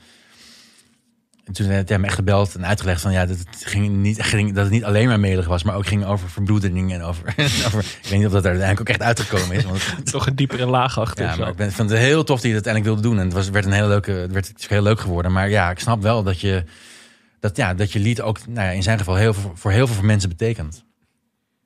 Want heb je de liedjes van tevoren al in je hoofd of de artiesten? Of is dat iets wat echt na het nieuws pas komt? Dat je er, eh, of is ja, die artiest die moet je wel al vastleggen. Ja. Want die zijn, die, dat ligt nu ook al. Je weet van als Frans Bauer, Frans Bauer komt die week. Dus dan moet je dan. En dan die heeft natuurlijk één lied. Hij heeft natuurlijk heel veel liedjes, maar er is één lied wat iedereen kent. En daar wil je dan iets mee doen. Dus, eh, ja, dus, dus, dus zo. Dus het, het ligt van tevoren al vast. En het is altijd maar hopen dat er iets mee kan. Dus je moet eigenlijk hopen dat de actualiteit zich vormt naar het liedje dan. Eigenlijk wel, ja. ja. Lijkt me ook wel stressvol dat je denkt, ja shit, wat, wat moeten we nu doen? Of heb je even voor mij? Nou, dat is misschien Ja. wel makkelijk, hè, maar... Ah, je moet ook maar hopen dat eh, degene die uitnodigt, zoals Gordon, dat hij dat soort van. Ja, hij kan natuurlijk zijn eigen lied zingen, maar hij moet het ook kunnen brengen. Ja. En dat ook wel Ja. dat hij niet denkt: oh shit, ik sta hier als Trump. Maar Gordon ging er echt Ja, met hij volle ging er overgave in. Nou, vroegen we hem natuurlijk ook meer dan dat we normaal... Normaal is het gewoon je, je nummer doen. Of gewoon... Ja. Bij hem was het een lage extra erbij. Ja. Ja, maar de mensen moeten... het Het heeft heel lang geduurd bijvoorbeeld voordat... Ja, gek genoeg voordat vrouwen ook... Bij Onze eerste twee seizoenen waren alleen maar mannelijke kandidaten. En, eh, vrouwen vonden het heel eng. En die band is gelukkig gebroken ook. Ik weet niet waar dat aan lag. Maar dat, is- ja, het, het- het- ja, mensen vinden het wel heel spannend. En nu het wat vaker is... ook- Voor ons ook heel belangrijk geweest dat Paul de Munnik was. Oh, nog even rustig ademhalen. Oh, oh, het leken regels voor altijd. Maar nu kan het om het van het slot te halen. Ja, En die zong een heel hoopvol lied over, over dat we langzaam weer uit die eerste lockdown kropen. En dat, dat werd toen op een. Dat, ja, dat was niet alleen maar melig, maar dat was gewoon ook echt een heel betekenisvol ding. En toen begonnen mensen zichzelf ook aan te melden. Ja. Kregen we ook telefoontjes van artiesten die zin hadden om. eh, maar kun je, eh, mogen wij niet een keer komen? ja. Oh, dat artiesten zichzelf eh, gaan aanbieden Ja. ook echt. Hebben jullie daar ook, eh, zijn jullie daarop ingegaan? Of Zeker, natuurlijk. Ja, we zijn heel blij, want het is best moeilijk. We hebben nu ook nog lang niet alle zeven namen voor de komende tijd. Want ja, mensen vinden het echt spannend. En willen eigenlijk al heel graag weten van, ja, wat gaan we dan doen? Weet je wel? Ja. Eh, Wat, wat laat je ons dan zingen? Maar dat, dat kunnen we gewoon nog niet zeggen. We kunnen die voorbeelden laten zien uit, andere, uit eerdere uitzendingen. Maar we kunnen pas in de week zelf echt zeggen wat, wat het gaat worden. Want ja, we weten het nu gewoon echt nog niet. Heb je ook wel eens dat artiesten erover meedenken? Dat ze zeggen, nou, misschien hier is het leuk om dit te doen. Of hier heb ik een grap voor. Of, Ja, ja maar vooral ook wat ze niet willen. ja. Dat spreek ik ook echt van tevoren af. Van, van, je moet wel echt aangeven wat je niet eh, wat je niet zou willen zingen en waar je het niet over wil hebben. Want we willen natuurlijk wel dat we, samen iets moois maken en dat jij er ook glorieus uitkomt. Ja. Dus je moet er echt achter staan. Dus dat, daar krijgen mensen wel een, een lijstje met dingen die ze niet willen doen. Ja. Want jullie grootste eh, hit was waarschijnlijk eh, Wappie van Joep van het Hek natuurlijk. Ben- Ben je daar dan nog dat je denkt van... oh jee, we moeten Joep van het Hek benaderen? Of zijn die lijntjes dan zo kort dat je daar niet echt meer eh, bang voor bent? Nee, Joep was heel erg enthousiast over, over dat we hem vroegen. Terwijl wij dachten, hij zit dan midden in zijn oudejaarsconferentie. Mhm. Ja. Dus die heeft echt geen zin om ook nog bij ons langs te komen. Maar hij was echt meteen de hand. En we hadden toen bedacht, ja, het, is, het is een kerstliedje. En je had het gedoe met, met Albert Heijn die het woord kerst niet in hun folder hadden gezet. Dus toen dachten we, nou, Appie kan wel. Dat kan wel. Met, met, we komen- sowieso uit. Dus dat idee hadden we aan hem- aan hem voorgelegd. En toen in die week dat hij kwam, kwamen de wappies op, de, op, de- op hun pannen staan. Dus toen, heeft, toen hebben we die tekst aan hem gestuurd. En toen heeft hij wel nog wel wat dingetjes aangepast. Dat ook, dat ook ineens zo grappig is. Want wat kijk, Suzanne en Freek, die, die, die, die, die, die ook te gek zijn. Maar die gaan niet die tekst aanpassen van... "Ah, volgens mij weet die grap beter als je hem zo schrijft. En hij had ineens ideeën over de opbouw en de andere teksten. En volgens mij snapt het publiek hier al lang waar je het over hebt. Dus dit woord kan je weglaten. Oké, wacht eventjes. We hebben hier gewoon met de meester te maken. Dus toen eh, heeft hij wel een beetje erbij geschaafd. En eh, ja... Zo, maar hij was heel enthousiast, dus dat was te gek. Dat was echt een van de, een van de makkelijkste bijna voor ons. Ja, dat was sowieso was dat natuurlijk ook leuk omdat jullie ja, het nieuws hadden van, eh, van zijn oudejaarsconferentie. En iedereen had het eigenlijk over van, we kunnen nieuws en jullie Ja. het zelf niet gewoon doen.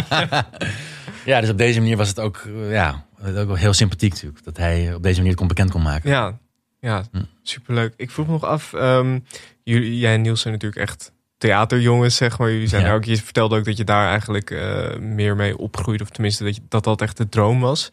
Hoe, nu zijn de theaters al een tijdje gesloten. Hoe verhoudt tv zich tot theater? Kan tv dat gat van het theater vullen voor jou?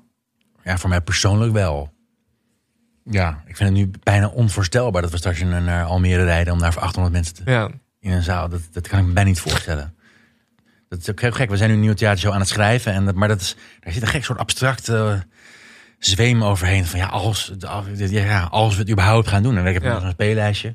Al dat begint nu vorm te krijgen. Van, ja, dan staan je twee, twee avonden in Maastricht. In de, wat? Dat, kan dat dan echt? Maar, maar tv is zo, ja, dat is wel zo genoeg spannend en, en genoeg eh, bevredigend. Dat, het, dat vult dat gat zeker wel op, ja. ja. ja. En je weet nu natuurlijk ook nog niet eh, met theater of je dan voor 30 man eventueel of voor 400 man, Ja. 500 man. Dat, dat gaan we maar zien. Ja, Dat, ja, ik, ik ga er toch van uit dat het volgend jaar dat het alweer kan, toch, jongens? ja, Ja, de, we- wij zijn een hoopvolle podcast, dus dat Ja. hoop ik altijd. Ja, we hopen eerder al. Maar ja, dat, dat is, daar hadden we het van tevoren al een beetje over. Die, dat verschuift ook de hete. Dat je Ja. denkt, nou ja, over twee maanden zal het toch... Ja, Ja, nou, over drie maanden zal het toch echt wel... ja. Ja, als we dat meteen gezegd hadden, als we meteen vorig jaar maar gezegd hadden, nou, volgend, dit duurt een, meer dan een jaar, dan, had het- dan hadden we echt depressief geworden. Ja, dan waren we in maart al depressief. Ja. Nu was er inderdaad nog een soort saamhorigheid vorig jaar, die nu wel weg is, Ja. eh, waarschijnlijk. Heeft toch twee weken geduurd, Ja. dat klapje voor de zorg. Ja. Is het eh, een bots jij wel eens met nieuws? Niels achter de schermen of helemaal niet? Hm, Vrijwel nooit. Nee, eigenlijk, nee. Het is ook wel bijzonder, want het, het is best wel stressvol wat je net al aangaf. Dat je denkt van dat het best wel de spanning misschien achter de schermen hoog kan oplopen als het even niet lukt of Ja. niet werkt. Ja, we zijn wel eens bits, maar dat is dan gewoon, je weet dan gewoon, het is, iedereen staat onder hoogspanning. Mhm. Dat is dan geen ruzie. Nee, niet eens een botsing eigenlijk. Dan, dan, dan zeg je eigenlijk iets wat je in een andere situatie niet gepikt had van, van de ander. Ja, zo. Nee, en als we conflicten hebben over wat we maken, dat, dat zijn ook nooit conflicten, maar dat komt eigenlijk alleen maar verder dan. Ja, dan komen we, dat brengt ons alleen maar. dan- Als we dan allebei onze bezwaren weg kunnen nemen en dan het idee heel kunnen laten, dan is het alleen maar beter geworden. En Klinkt heel erg als echt een perfect huwelijk. ja, ja, dat, ja, dat, dat is het eigenlijk ook echt wel. Denk je er wel eens over na over wat je misschien nu had gedaan, zeg maar, op tv of in cabaret? Of als je, als je niet met Niels was gaan samenwerken? Ik weet niet of ik dan vol had gehouden. En ik denk ook niet dat ik. Ja, nee, dat denk ik. nou, ik ben wel begonnen met liedjes schrijven. En ik heb ook voordat ik naar de opleiding ging, heb ik in mijn eentje meegedaan aan een cabaretfestival met die liedjes. Maar toen ben ik er eh, vrij snel uitgeflikkerd. Ja. Ik weet, ik weet het niet. Ik denk wel, ja, ik ben nu toch ook weer zo'n CD gaan maken. Dus er is toch wel weer. eh, Ik, ik, ik blijf dat wel doen. Ik blijf dingen maken en dingen bedenken. En die wil ik dan ook graag uitvoeren. Dus dat, dat is wel zo. Maar ik ben heel blij dat ik niet over hoef na te denken. Wat ik in, als ik echt op mezelf was aangewezen. Ik denk dat ik dan meer was gaan regisseren en meer was gaan lesgeven. Dat vind ik Ja. dan, eh, fijner. Ja. Ja, want je vond het ook wel heel moeilijk dat de quiz toen stopte, toch? Of dat Enorm Rob en uh, je, Rob Urgt en Joep van Dode Deudekom ermee stopten. Dat, eh, Dat vond ik erg lastig, ja. ja. Ook omdat ik dacht, dit, nou ja, dit komt gewoon niet meer terug. Je eigen programma, zaterdagavond, mhm. dat, dat is gewoon een once in a lifetime. En Niels die heeft altijd het vertrouwen gehouden dat, we- dat we... Die is ook gewoon heel brutaal naar de NPO gestapt. Dus, ja, we willen nog wel iets doen. We weten nog niet wat, maar we willen nog wel iets doen. Dus, dus eh, kun je ons inplannen. En toen hebben we dat, eh, hij heeft dat vertrouwen gehad. En toen, toen, die, toen die quiz stopte, toen zijn er best wel dingen op onze pad gekomen. Van, van, die we het konden presenteren. Of concepten waar we in konden stappen.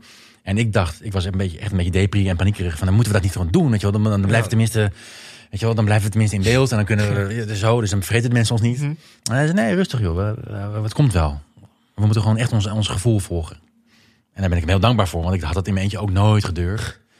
En het was weer even zoeken natuurlijk. Want het, inderdaad, het programma is compleet anders geworden dan hoe het begonnen is. Maar nu eh, heb, ben ik weer, heb ik wel die rust die ik ook had toen we de quiz maakten. Die is Ja. weer teruggekomen. Ja. Dus Dat is heel fijn. Ja, en ik las ook dat jullie niet per se staat te springen om naar de commerciële omroepen eh, over te stappen. Dat jullie eigenlijk wel goed zitten binnen de NPO nu. Ja. Dat ook niet. eh, ik kan me voorstellen dat je na de quiz ook aanbieding kreeg, misschien van een RTL of zo, om daar programma's te gaan maken. Ja, en ja dat, ik, je- dat praat Nederlands met me of zo. Dat- Ja. Dat, dat, daar, dat, of wij dat wilden doen bijvoorbeeld. En dan als, als een soort team, teamcaptain. Teamcaptains, ja, dat soort dingen. Ja, dat kan altijd nog eens Niels dan. ja, als jullie 50 zijn Ja, of zo, gewoon aan een tweede leven beginnen. Ja. Ja, want jullie doen niet heel veel aan eh, andere tv-optredens eigenlijk. We, zien- we zien jullie niet heel vaak terug in, eh, nou, ja, ik hou van Holland of Nee. eh, Wie is de Mol, om maar even wat nee. dwarsverbanden te noemen. Nee. Is dat een bewuste keuze? Of, eh, Ja, deels wel, omdat ik, ik ben nooit zo heel erg op mijn gemak bij dat, bij dat soort dingen. Ik ben ook niet zo'n niet zo leuk. Ik ben zo niet zo leuk. ben ik gewoon. Ik ben een wat stillige, slecht verstaanbare jongen. Eh, dat. eh, en, en, wat- en wat ik zei, we, we doen vaak, we hebben ook vaak geen tijd. Omdat we, als we geen tv maken, dan zijn we wel in theater bezig. Dus we, we kunnen ook bijna nooit. En ik vind het nogmaals heel, heel lekker om gewoon bekend te zijn van wat ik maak. In plaats van van wie ik ben. Dus daar, de, ja, dat, is, dat heilig ik wel. Ja. Wat zijn programma's waar je nog eh, voor benaderd bent de af, de afgelopen tijd of afgelopen jaar of zo? Ja. Waarvan je echt dacht, misschien ook van, eh, oké. Nou, waar, waar in mijn omgeving echt weinig begrip voor is, is dat ik niet mee wilde doen aan Wie is de Mol. Oh, je bent wel benaderd. Ja, ook wel op een niet. Eigenlijk was Niels benaderd. En die zei toen nee. En toen zei ze: Oh, wil jij dan? Zei, Ja. dus dat. Maar, ook, maar, eh, maar dat is echt om mij heen van mensen. Maar dat is toch je droom om mee te doen aan Wie is de Mol? Maar nee, gek genoeg heb ik dat dan echt niet. Nee, nee, laat me, nee. Nee. Ja, nee, het is gewoon niet, dat is niks voor mij. Om de BNR uithangen. Nee. Met alle respect, want er die- zijn hartstikke leuke en goede mensen aan mee. Maar ik voel me daar denk ik niet thuis tussen. Hmm. Maar als jullie gevraagd zouden worden als teamcaptains voor Dit Was Het Nieuws? Ja, dat zou, dan zouden we wel even, zeker als er verder niks was, Ja. dan zouden we daar natuurlijk wel heel serieus over nadenken. Dat is natuurlijk wel heel gaaf. Ja, dat is Een soort ereplaats, natuurlijk wel op ja, eh, comedygebied in Nederland. Ja. Nee, ik snap, ik, maar ik snap het ook wel dat je niet... Het ligt natuurlijk op de loer dat je dan diegene van Wie is de Mol wordt. Terwijl je, je wil gewoon bekend zijn om wat je doet, wat je maakt. Welke muziek je maakt, welke, de humor, je, je theatervoorstelling. Ja. Ja. Ik kijk ook eigenlijk nooit wie, wie het mol. ik weet het niet. ik heb nog nooit een hele aflevering gezien. Dus misschien zeg ik wel dingen die nergens op staan. maar nee, ja. Nee, ja, ik vind dat eh, het is voor heel veel mensen toch een soort droom of zo altijd wel wie is de mol. Dat is wel. Volgens mij toch een heel leuk spel om te doen. Ja, zeker. Ja, ik, ik kijk het ook niet zo vaak trouwens, maar eh, ja. We vinden ons op glad ijs voor de Wie is de Ja. Mol fans eh, woedend Nee, er inbellen. is niks mis mee, maar je, je- dat, ja, ja. Ja. Nee. Nee, maar het is wel grappig. Toch heel veel mensen die op tv komen, hebben wel echt de droom om ook echt op tv te blijven. Maar als ik jou zo hoor, is dat niet je, je- wel Nee. met jouw programma natuurlijk. Maar het is Nee, niet dit- zo dat je tot je, tot je zeventigste als een soort Henny Huisman eh, Nee. overal wil opduiken. Ik denk het niet. Als het wel zo is, dan eh, moet hij me weer uitnodigen. maar dat is nee, zeker niet mijn, eh, mijn droom. Ook, omdat ik vind het ook gewoon hartstikke spannend. Ik word toch gewoon elke zaterdagochtend ook weer wakker. Of zondagochtend met die kijkcijfers en zo. En waar er zoveel aan, wordt gehangen. Waar ik ook eigenlijk helemaal niks mee te maken wil hebben, als ik eerlijk ben. Maar ja, dat vind ik toch hartstikke eng en, eh, en spannend iedere keer. Ja. ja, binnenkort eh, begin, beginnen jullie weer. Dus volgens mij 20 maart. Ja. Die maandag zit je dan, of, of zondag, zit je dan ook echt... Ga je dan wel, ja, ben je, ben je daar al mee bezig, die, Ja, die kijkcijfers? Ik zou willen dat het niet zo was, maar het is wel zo. Ik, ik word, dus, ik kom om half acht worden ze bekend. En ik word standaard hoe laat ik het ook gemaakt heb en hoeveel ik ook gedronken heb. Zit je biologische klok. Ja, klak, om kwart over zeven, als het niet eerder is, wakker. En dan eh, die site verversen. En dan, ja, dan een plekje geven, Ja. wat, wat, wat het geworden is. En, Ja. Ben je dan ook heel erg bezig met reacties nog? Of zo? Bijvoorbeeld in, op social media, maar ook gewoon in kranten wat erover geschreven wordt? ja, ook niet? wel ja, vervelend. Oh, ja. Op social media kijk ik niet, tenminste op Twitter kijk ik niet. Want dat ik, ja, ook al als er nou honderd leuke dingen en één vervelend ding, dan is toch die Ja, vervelende die blijft hangen, ja. kwaad en gefrustreerd en verdrietig over. En, eh, en maandag heb je dan dus, er wordt niet zo heel veel over ons geschreven, maar ik check, dat toch wel inderdaad. Elke maandag. En als dat dan niet zo is, dan ben ik gewoon opgelucht. En ik kan me ook voorstellen dat ik daar op een gegeven moment gewoon moe van ben. Ja. Van dat ik er gewoon geen zin meer in heb. Precies, en hoe is dat bij, eh bij een theatervoorstelling? Is dat dan ook zoiets dat je, dat je weet dat er een recensie aankomt... dat je ook bijna niet kunt slapen of zo? Ja, ja. Dat Ja, is dat- echt vervelend, joh. Want Ja, dat is ook, we willen gewoon iets moois maken. En dan komen mensen die er kan over schrijven en dan is het niet helemaal weer niet goed. Ofwel, de- de- kijk, ik ben ook een hypocriet. Kijk, als het hartstikke leuk als ze goed schrijven, dan ben ik heel blij. En dan post ik dat en zo. En als het niet blijft, dan nou, dat is verschrikkelijk. Dat is echt vreselijk. Maar in theater lijkt me ook nog het lastige dat... Je krijgt natuurlijk vaak die recensies allemaal aan het begin, na de première. Ja, Maar ja, stel je hebt gewoon een rot première. ja. Dan, dan word je nog twee jaar lang, als mensen toch eh, zien... Oh, eh, eh, Van Laan de Boe staan hier. Nou, even, even googlen naar ja de recensies. dat is het, ja. Dan, dan, en bij, bij tv is het natuurlijk wel zo... Ja, er wordt iets over je geschreven door Angela de Jong. Ja. Mensen zijn dat toch alweer vrij gauw, ja. Ja, en het heeft zich al bewezen. Dat is wel fijn Ja. met tv. Want de mensen hebben het dan zelf gezien en weten al wat ze ervan vinden. En het komt ook niet meer terug.